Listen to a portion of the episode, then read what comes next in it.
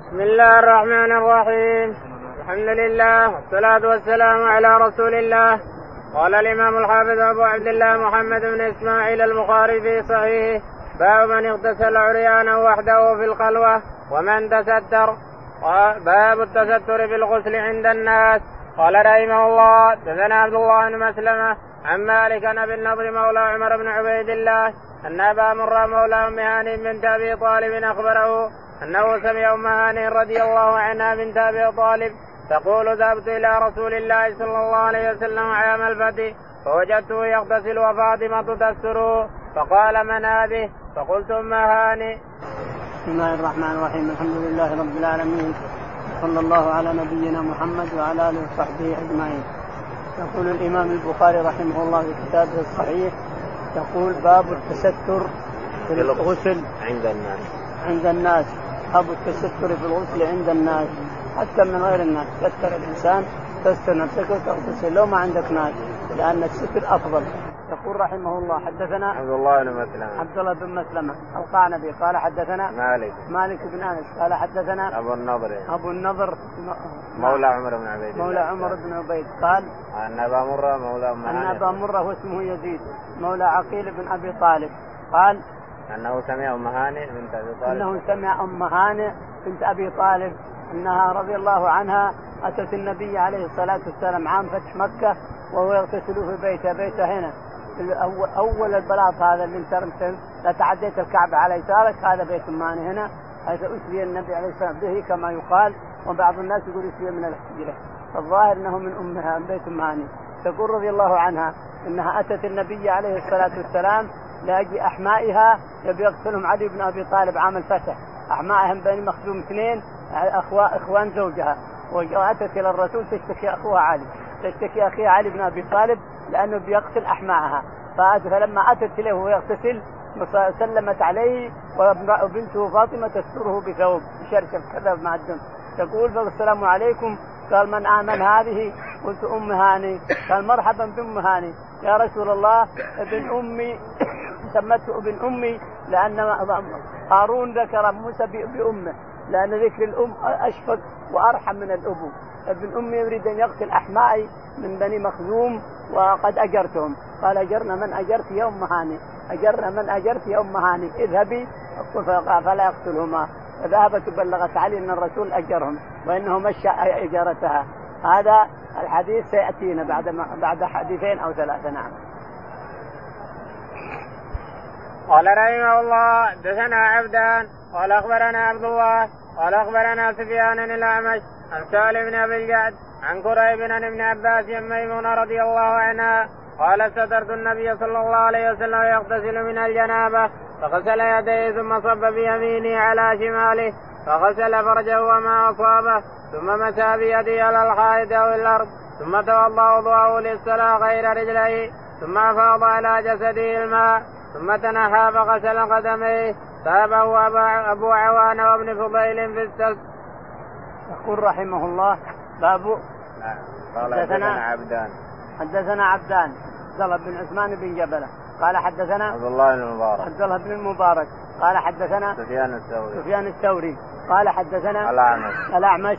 قال عن سالم بن أبي الجعد. عن سالم بن أبي الجعد. قال حدثنا قريب. قريب مولى ابن عباس. عن, عن ابن عباس. رضي الله عنهما. عن ميمونة عن خالته ميمونة أنها بات عندها ليلة ويقول إنها سترت الرسول.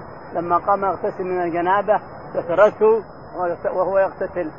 فقام وخذاها بيديه يده اليمنى وصب عليها من الإناء حتى غسلها ثم دخل بلم ثم غسل اليسرى. ثم أدخل يده اليمنى فغسل فرجه حتى باليسرى. ثم دلك اليسرى بالتراب أو بالجدار. ثم غسلها أيضا بعد الدكن ثم أفاض على رأسه ثلاث مرات. ثم بعد ذلك أصاب على جسده كله. نعم. ثم, ثم تنحى فغسل قدميه بمكان آخر. نعم. ثم توضأ وضوءه للصلاة غير رجليه. يقول بعد الغسل توضأ وضوءه للصلاة إلا رجليه بقاها. فلما انتهى من الوضوء خرج إلى برا وغسل رجليه عليه الصلاة والسلام. هذا كان الإنسان حمامك الإنسان ضيق أو إن فيه أوساخ أو شيء تخرج غسل رجليك برا. نعم. تابعه أبو عوانة وابن فضيل يقول البخاري تابعه أبو عوانة محمد بن خازم وأبو فضيل عن تابعوا من؟ تابع تابع سفيان الثوري تابع سفيان الثوري عن الأعمش نعم. باب إذا احتلمت المرأة قال رحمه الله دثنا عبد الله بن يوسف قال أخبرنا مالك عن هشام بن عروان أبيه عن زينب بنت أبي سلمة عن أم سلمة ام المؤمنين عن أم سلمة رضي الله عنها أنها قالت جاءت أم سليم امرأة أبي طلحه إلى رسول الله صلى الله عليه وسلم فقالت يا رسول الله إن الله لا يستحي من الحق حلل المراه من غسل اذا هي احتلمت. فقال رسول الله صلى الله عليه وسلم نعم إذا رأت الماء. يقول البخاري رحمه الله باب باب إذا احتلمت إذا احتلمت المراه رأت أنه يجامعها رجل في النوم ورأت مويه عليها على فخوذها مني ولا شيء تغتسل. يقول رحمه الله حدثنا عبد الله بن يوسف. عبد الله بن يوسف. قال حدثنا مالك بن مالك. قال حدثنا هشام بن عروة. هشام بن عروة. عن أبيه عروة عن عن زينب بنت أم عن زينب بنت أم سلمة. عن أم سلمة رضي الله تعالى عنها أن النبي عليه الصلاة والسلام كان عندها فأتت أم سليم وكانت خالته من خالاته من الرضاعة. أم سليم بنت حرام أم حرام بنت ملحان وأم سليم. هاتين تنتين من بني النجار ممن أرضعنا ممن أرضعنا جده عبد المطلب لأنه ولد بالمدينة. فالشاهد أنها أتت إلى الرسول عليه الصلاة والسلام تسأله ولا استحت يا رسول الله هل على المرأة غسل إذا هي احتلمت إذا رأت ما يرى الرجل. رأت الرجل فوقها بالليل ثم قامت والماء فوق ظهرها. هل تغتسل؟ قال نعم تغتسل. إذا رأت الماء إذا رأت الماء على فخوذها تغتسل. أما إذا رأت أن الرجل يجامعها ولم ترى شيئا فلا تغتسل. وكذلك الرجل. إذا رأى أنه يجامع امرأة بالليل فإن قام وعليه مني يغتسل. وإن ما رأى شيء فلا حاجة فلا يغتسل ولا شيء. إن رأت ثيابه عليها مني أو أفخاذه عليها مني يغتسل. وكذلك المرأة. قال قال نعم إذا رأت الماء فإنها تغتسل قالت أم سليم فضحت النساء يا أم سليم أم سلمة رضي الله عنها فضحت النساء فقال يا ويحك أو قال ويلك من أين الشبه؟ لو كان ما تحتلم ولا تنزل منين يجي الشبه؟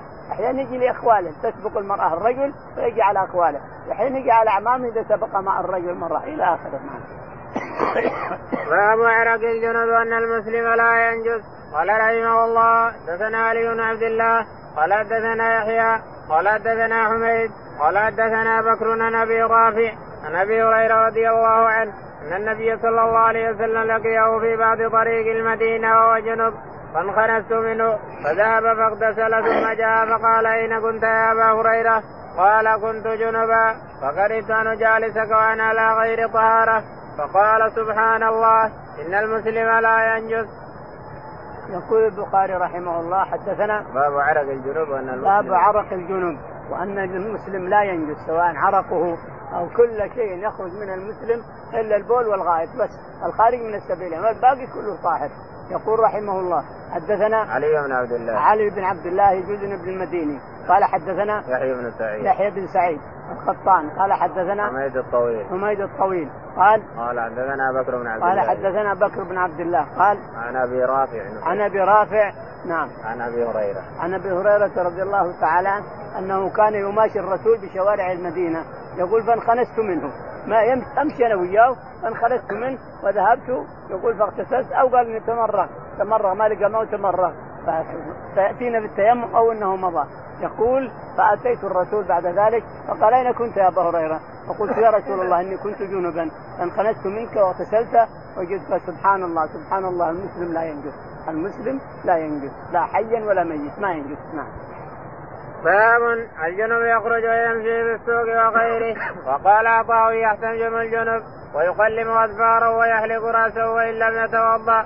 قال رحمه الله دثنا عبد الاعلى بن حماد قال حدثنا يزيد بن زريع قال حدثنا سعيد عن قتادة أن أنس بن مالك رضي الله عنه حدثهم أن نبي الله صلى الله عليه وسلم كان يطوف على نسائه في الليلة الواحدة وله يومئذ تسع نسوة. يقول رحمه الله باب باب الجنب يخرج ويمشي الجنب يخرج ويجامع أهله ويقلم اظفاره ويحلق شعره الجنب جائز هذا كله قبل الغسل يقول رحمه الله قال عطاء يحتجم الجنوب ويقلم أظفاره قال عطاء الجنوب يحتلم احتلم يقلم أظفاره ويحلق شعره حتى له جنب ما يضر هذا. يقول حدثنا عبد الأعلى بن حماد. عبد الأعلى بن حماد قال حدثنا يزيد بن زريع. يزيد بن زريع قال قال حدثنا سعيد بن أبي قال حدثنا سعيد بن أبي عروبة قال عن قتادة. عن قتادة بن دعامة قال عن أنس بن مالك. عن أنس بن مالك رضي الله تعالى عنه قال أن نبي الله صلى الله عليه وسلم كان يطوف على نسائه في الليلة يقول أنس إن النبي عليه الصلاة والسلام كان يطوف على نسائه التسع بغسل واحد. يطوف على نساء التسع بغسل واحد. يعني ما يغتسل. يطع هذه يجمع هذه يروح للثاني ويجمع يروح للثالث ويجمع يروح للثاني. والسؤال هنا أين القسم؟ إحنا؟ لابد نقسم بين النساء. يقول ما دام بجمع كلهم ما في قسم خلاص. كلهم واحد طاهر ما صار ما في قسم. القسم لو كان بيطة واحدة ثم يطة الثاني ميلته هذا لا يجوز. لأنه جور على الثاني. لكن كلهن ارضاه خلاص ما في قسم. ولا يحاسب على يحاسب على هذا. فالشاهد الحكم في هذا أن الإنسان يطوف على نسائه بغسل واحد. وإن كان بعض المالك يقول لا ما يمكن يطوف على نسائه. هذا خاص بالرسول. خصوصية وين هي؟ ما عندنا خصوصية. هذا خصوصية. 500 خصيصة ذكرها ابن جوزي ما ذكر الكلام هذا. اسمع وذكر السيوطي أيضا 500 خصيصة. نعم. قال رحمه الله دثنا عياش قال دثنا عبد الأعلى قال دثنا حميد عن بك النفعي عن أبي رافع عن أبي هريرة رضي الله عنه قال لقيني رسول الله صلى الله عليه وسلم وأنا جنب فأخذ بيدي فمشيت معه حتى قعد فانسللت فأتيت الرحله فاغتسلت ثم جئت وهو قاعد فقال أين كنت يا باهر؟ فقلت له فقال سبحان الله يا باهر إن المؤمن لا ينجس.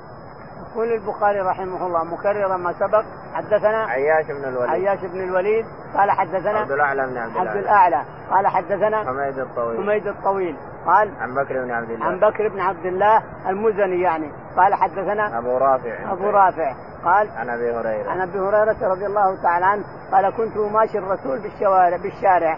فلما قعد وصل إلى المكان اللي يريده وجلس أنا كنت جنب وأنا أمشي معه وأنا جنب. يقول فانخنست منه. انخنست منه ورحت إلى رحلي واغتسلت وأتيت اليه فقال أين كنت يا باهر؟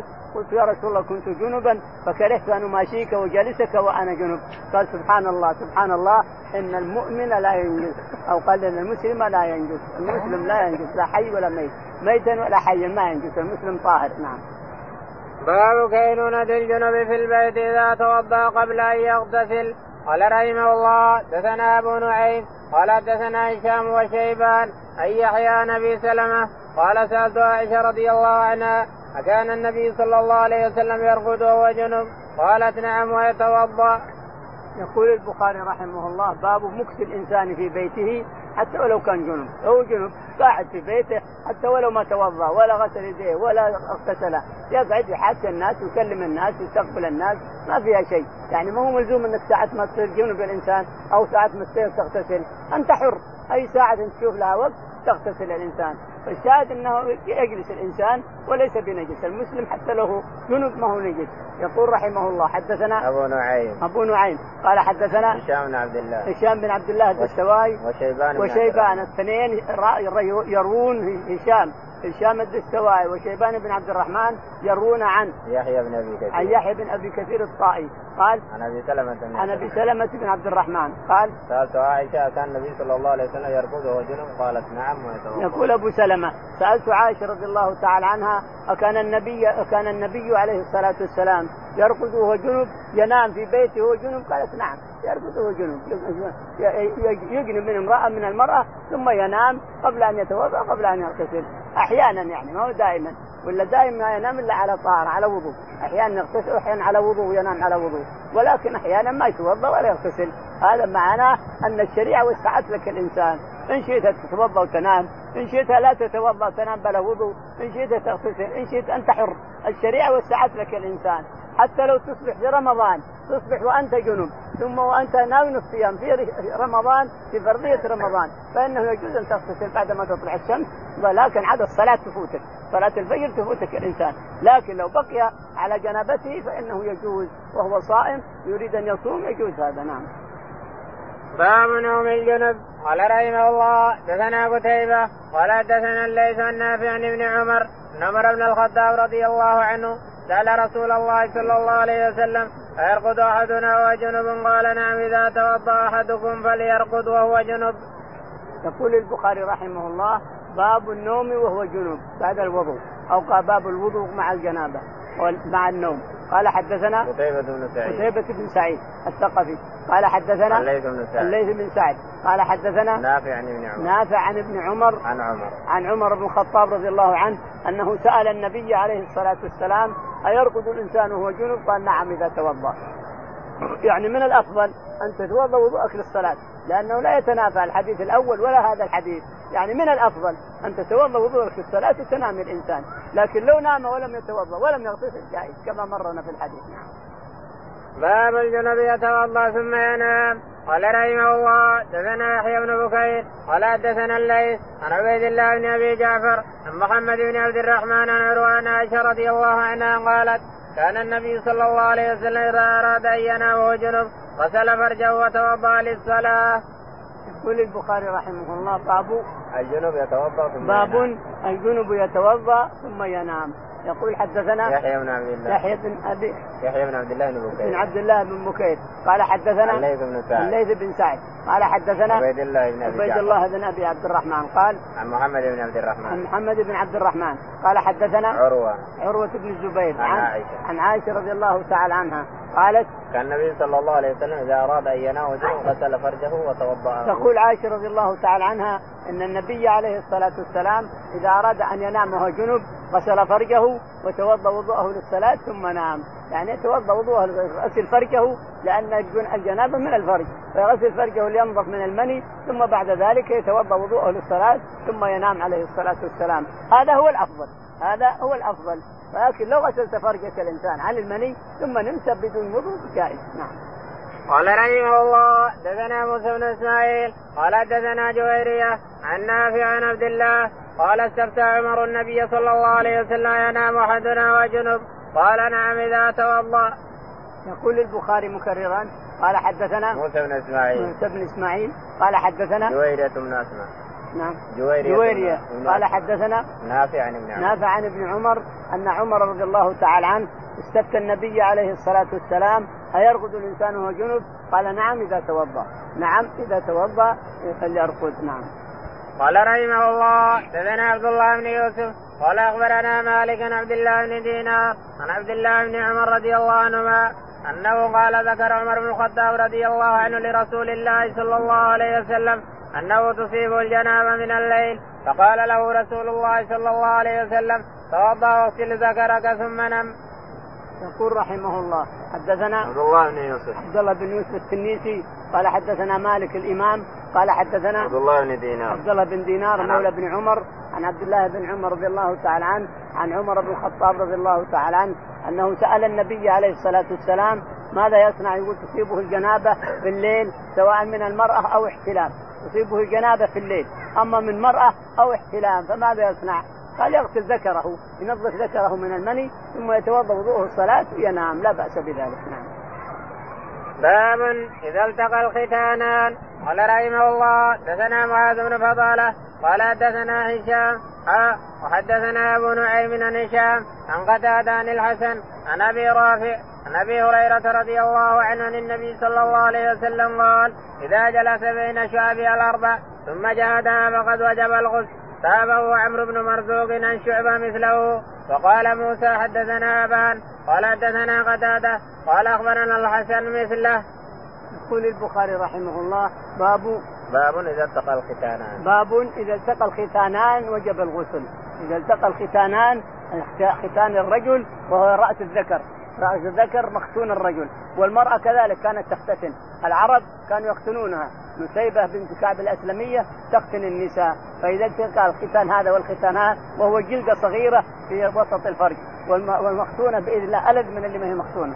المرأة المختونة التي ماخوذه من الجلدة هذه بإذن الله الد من اللي ما هي مختونة. يقول حدثنا معاذ بن فضالة. حدثنا معاذ بن فضالة قال حدثنا هشام. هشام. ثم حول السنة ثم حول السند فقال حدثنا أبو نعيم. أبو نعيم. قال حدثنا هشام. هشام. قال عن قتادة. عن قتادة. قال عن الحسن البصري. هذا هشام بن حس... هشام بن حسان. ما هو جالس بالتوالي هشام بن حسان هو تلميذ قتادة. قال حدثنا قتادة بن إشارة السدود بالتوالي مستوى يروي عن قتادة. قال حدثنا قتادة. قال عن الحسن البصري. عن الحسن البصري. عن أبي رافع. عن أبي رافع. عن أبي هريرة. عن أبي هريرة رضي الله تعالى عنه أن النبي عليه الصلاة والسلام نعم. قال إذا جلس بين شعبها الاربع ثم جهدها فقد وجب الغسل. أبو هريرة رضي الله عنه يقول أن النبي عليه الصلاة والسلام قال إذا جلس بين شعبها الأربع فقد وجب الغسل. شعبها يديها ورجليها شعب اليدين والرجلين الرجل له يدين ورجلين والمرأة لها يدين ورجلين. فجلس الرجل فخذها وحط فخوذه على فخوذها وحط مثلا يديه صدر بطنه على بطنها وجاهدها فقد وجب الغسل. هذا الحديث نسخ ما قبله. وإن كان في تعللات لبعض العلماء أنه لا نجمع بينهم بكذا هذا ناسخ عنهم. إذا التقى الختانان حتى لو ما أنزل ولا ما أنزلت فإنه يغتسل لأنه وجب الغسل. إذا التقى الختانان وجب الغسل. ختان المرأة وختان الرجل. تلاقيا لازم من الغسل أنزل أو لم ينزل. نعم. قال تابعه عمرو بن مرزوق ثم قال البخاري تابعه عمرو بن مرزوق عن شعبة. عن شعبة. مثله. مثل مثل الحديث نعم. وقال حدثنا موسى موسى بن وقال البخاري حدثنا موسى قال حدثنا أبان بن يزيد. أبان بن يزيد قال قال عن قتادة قال حدثنا قتادة قال حدثنا قتادة مثله أيضا أن الرسول عليه الصلاة والسلام قال إذا جلس بين شعبها الأربع فقد وجب الغسل أنزل أو لم ينزل. نعم. باب غسل ما يسير من برج المرأة. قال رحمه الله دثنا أبو معمر قال دثنا عبد الوارث عن الحسين قال يحيى وأخبرني أبو سلمة أن عطاء بن يسار أخبره أن زيد بن خالد الجهني رضي الله عنه أخبره أنه سأل عثمان بن عفان رضي الله عنه فقال أرأيت إذا جامع الرجل امرأته فلم يمن قال عثمان يتوضأ كما يتوضأ للصلاة ويغسل ذكره قال عثمان سمعته من رسول الله صلى الله عليه وسلم فسألت عن ذلك علي بن أبي طالب والزبير بن العوام وطلحة بن عبيد الله وأبي بن كعب رضي الله عنهم فأمروه بذلك قال يحيى وأخبرني أبو سلمة أن عروة بن الزبير أخبره أنه سمع ذلك من رسول الله صلى الله عليه وسلم. يقول رحمه الله حدثنا باب غسل ما يصيب من فرج المرأة. باب غسل ما يصيبه من فرج المرأة. حدثنا أبو معمر. أبو معمر. قال حدثنا عبد الوارث. عبد الوارث. قال حدثنا حسين المعلم. حسين المعلم. قال قال قال حدثني يحيى بن قال حدثني يحيى ابن أبي كثير. ابن أبي كثير الطائي. قال حدثنا أبو سلمة. أبو سلمة بن عبد الرحمن عن عطاء بن يسار. عن عطاء بن يسار الهلالي. قال عن زيد بن خالد. عن زيد بن خالد الجهني. أنه سأل عثمان بن عفان. أنه سأل عثمان بن عفان رضي الله عنه. الرجل إذا أدخل ذكره في المرأة ولم يمني ما أنزل. قال عليه يغسل فرجه ويتوضأ. هذا كلام عثمان. ثم تابعه مين؟ علي بن أبي طالب. علي بن أبي طالب قال مثل عثمان. ثم والزبير بن عوام. الزبير بن عوام كذلك. وطلحة بن عبيد الله. وانس وطلحة بن عبيد وطلحة بن عبيد الله. وأبي بن كعب وأبي بن طلحة. اتفقوا على أنه إذا لم ينزل ما عليه غسل. لكن حديث الإنزال هو الصحيح لأنه آخر الأمرين. حديث الإنزال هو آخر الأمرين وهو الصحيح وانه إذا التقى الختانان وجب الغسل. وعليه الأئمة الأربعة أنه يغتسل إذا التقى الختانان إلا جماعة من الشافعية أو أو جماعة من المالكية. لكن الصحيح أن الأئمة يرون أنه إذا التقى الختانان اغتسل قال رحمه الله دثنا مسدد قال دثنا يحيى عن هشام بن عروة قال أخبرني أبي قال أخبرني أبو أيوب رضي الله عنه قال أخبرني أبي بن كعب رضي الله عنه أنه قال يا رسول الله إذا جامع الرجل امرأته إذا جاء إذا جامع الرجل امرأته فلم ينزل قال يغسل ما مس المرأة منه ثم يتوضأ ويصلي. قال أبو عبد الله الغسل أحوط وذلك الآخر. وإنما بينا لاختلافهم. يقول رحمه الله حدثنا مسدد. مسدد. قال حدثنا يحيى بن سعيد. يحيى بن سعيد. قال حدثنا هشام بن عروة. هشام بن عروة. عن أبيه. عن أبيه. قال قال أخبرني أبو أيوب. قال أخبرني أبو أيوب الأنصاري أنه أنه قال أخبرني أبي بن كعب. قال أخبرني أبي بن كعب أنه سأل النبي عليه الصلاة والسلام إذا أصاب المرأة ولم ينزل فلغسل ما مس المرأة من فرجك ثم توضأ وضوءك الصلاة وصل. يعني ما يحتاج تغتسل. إذا ما أنزل. إنما اللي أصاب المرأة. والبخاري يقول هذا هو الصحيح عند البخاري رحمه الله. لكن الصحيح أنه يغتسل للقاء الحديث للحديث إذا التقى الختانان فليغتسل. إذا التقى الختانان خلاص إذا التقى تغتسل نعم. قال أبو عبد الله الغسل أحوط وذلك يقول أبو عبد الله البخاري الغسل أحوط وهو ما هو أحوط الغسل أوجب. ولكن البخاري وغيره ممن يرى هذا الرأي غيرهم يخالفهم في هذا وهم أكثر خلق الله.